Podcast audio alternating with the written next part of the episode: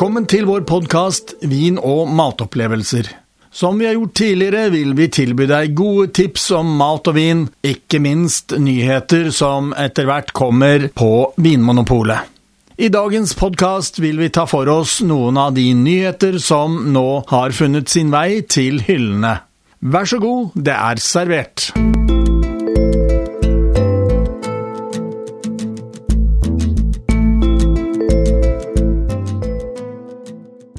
Ja, Jan Egil, nå er vi i gang med vårt uh, neste kapittel i podkastene om uh, vin og matopplevelser. Og uh, vi er heldige, fordi nå får vi smake nyheter som de fleste andre som lytter på dette her, ikke får smake før første fredag i mars. Det er da neste polslipp er. Du sitter med noen gode viner foran deg, vet jeg. Og den ene, altså El Coto, det er jo et vinnavn som veldig mange nordmenn kjenner eh, i gode rødviner. Vi var vel borti El Coto i eh, gjestehuset en gang, og eh, det er, en, det er jo en traver. Det er første gangen jeg ser det varemerket på en, en hvitvin, en Verdecho, som, som kommer fra Rioja-området. Dette er en drue som um, har litt vind i seilene i Norge, faktisk. Og vi har uh, mange av de kjente produsentene fra dette området i Rioja. De har denne druen i sitt uh, sortiment. Det har vi prøvd tidligere. Dette var en utrolig flott aroma på denne vinen. Litt sånn nyslått gress, litt tropisk frukt. Veldig aromatisk. Og til en overkommelig pris, vil jeg si.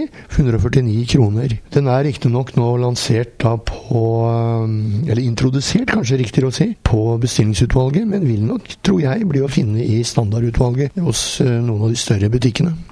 Så har vi da noen rødviner foran, og den første er jo en enkel og grei vin. Monocolo Brille heter den. Det er en vin Det ble nevnt her at den skulle appellere til din yngre garde. Ja, det er nok sikkert og visst. Det er en si, lett og like vin. Det er en Corvina-drue som er brukt her. Det er en av de standarddruene som er i bruk hos Valpolicella-produsentene. Der er det ofte tre-fire druer sammen, men her er det en endruevin. Monocolo er nok et varemerke som er eid av den norske importøren og grossisten en liten tendens til at de etablerer sine egne varemerker. Lett å like, fruktig. Det som også antydes litt her på etiketten, det er jo at du får ikke så vondt i hodet dagen etterpå av denne vinen. Og det er jo fordi at eh, Corvina, eh, Valporcella-viner i det hele tatt, har lite tanniner, lite garvestoffer. Og disse garvestoffene de eh, skaper jo litt problemer hvis du drikker for mye av de vinene som har garvestoffer. Hvis du er litt allergisk mot rødviner, så er det naturlig å tenke i retning av Valpolicella-viner, og ikke minst av denne corvinavinen. Du får ikke de utslagene av det.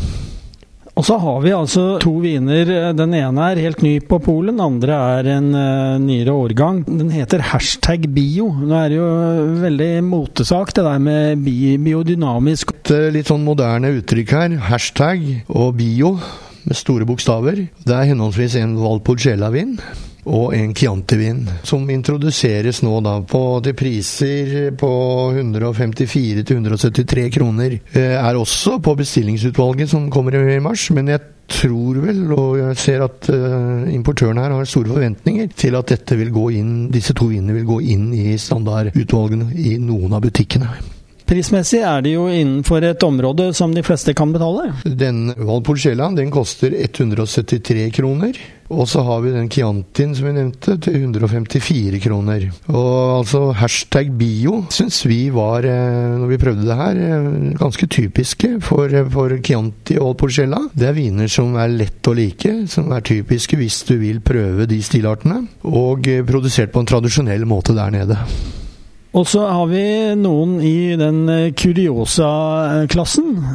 Vi kan nevne først en produsent som heter Rivetto. Han holder til oppe i Piemonte, i nærheten av Alba.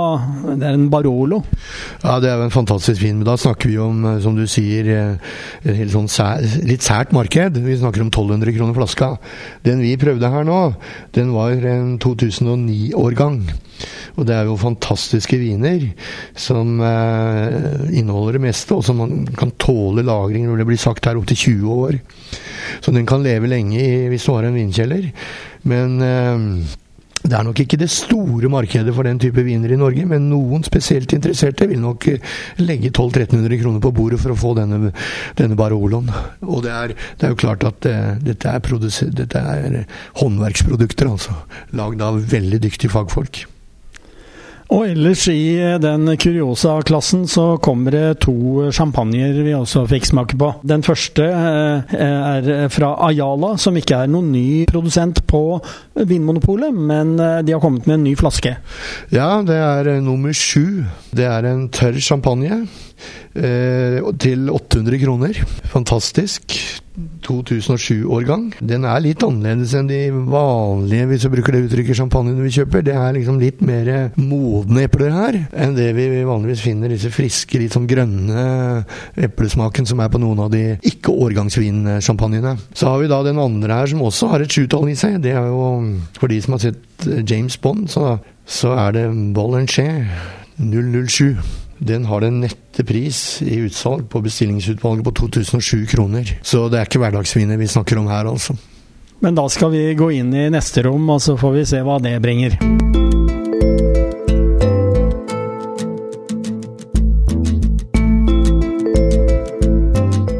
Da har vi kommet inn i eh, det vi kan kalle kuriosa-rommet. Hvor det er eh, Ja, det er jo eh, vinprodusenter med eksempler på sine produksjoner rund baut. Men vi har funnet fram nå til en fra Alsace. Domain Ostertag. Og Jan Egil, vi er jo veldig glad i sylvanere. Og det første vi fikk smake av vinmakeren, det var jo en sylvaner. Ja, det var det. Altså sylvaner Indianer er en drue som ikke er så veldig godt kjent i Norge, men har en lang historie i Tyskland og Frankrike, og sikkert Østerrike, hvor, hvor det har vært kjent som en såkalt arbeidsdrue, en hverdagsdrue som ofte har vært innblanda i andre viner med andre druer, sånn som Riesling. Det vi ser her, det er jo at det selges eh, nå i stadig større grad viner som er basert kun på sylvaner. Og Sylvaner er jo da en av de sju druene i Alsace som er tillatt å bruke for å kunne kalle det en Alsace-vin. Ja, det er det, så den er veldig godt innarbeida der. Og vinprodusenten fortalte oss her nå at uh, når hans mor skulle servere hverdagsmat, så spurte, hun om han kunne åpne en sylvaner når det var en vanlig ukedag. Så det er en vin som har gått inn i hverdagskostholdet, nærmest, i, i Alsace. Men sylvaner er uh, sannsynligvis ikke så godt kjent her i Norge? Nei, det er jo ikke det. Den finnes i blandinger med andre druer, men er ikke ganske godt kjent. Det som det sies til oss, det er jo at uh, disse vinene her, det er en vårvin. Sylvanervinene er en vårvin. Det passer til uh, grønt, uh, grøntretter. Han trakk fram asparges. Og vi er vel kjent med at de har hvite asparges ofte der nede, som er ja, tidlig på våren, april-mai. Så dette er en vårvin. Han delte året inn i forskjellige druetyper, faktisk. Men vi har jo smakt asparges før, og da er det sammen med Sauvignon Blad-viner. Eh, men Sauvignon Blad er jo ikke tillatt brukt i Alsace? Nei, det er ikke en av de sju vinene som du nevnte. Men derimot er sylvaner det, og den går utmerket til eh, salater, vil jeg tro også. Vårmat. Dette var en eh, frisk sak. Ikke helt billig på polet. Den vil koste 228 kroner. Og Det er vel nettopp derfor vi eh, kalte det at nå har vi kommet inn i kuriosarommet. For det er ikke, det er ikke hvermannsen som går her. Nei, altså vinene her ligger vel omtrent fra 228 og opp igjen 600-700 kroner. Så dette er eh, Når de er på polet, så er det i stor grad på bestillingsutvalget. Så du må gå inn og bestille de.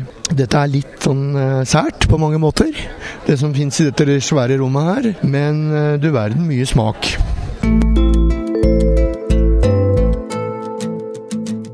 Da har du fått dagens podkast fra Radio Riks Oslo. Kommende mandag får du neste podkast. Vi høres!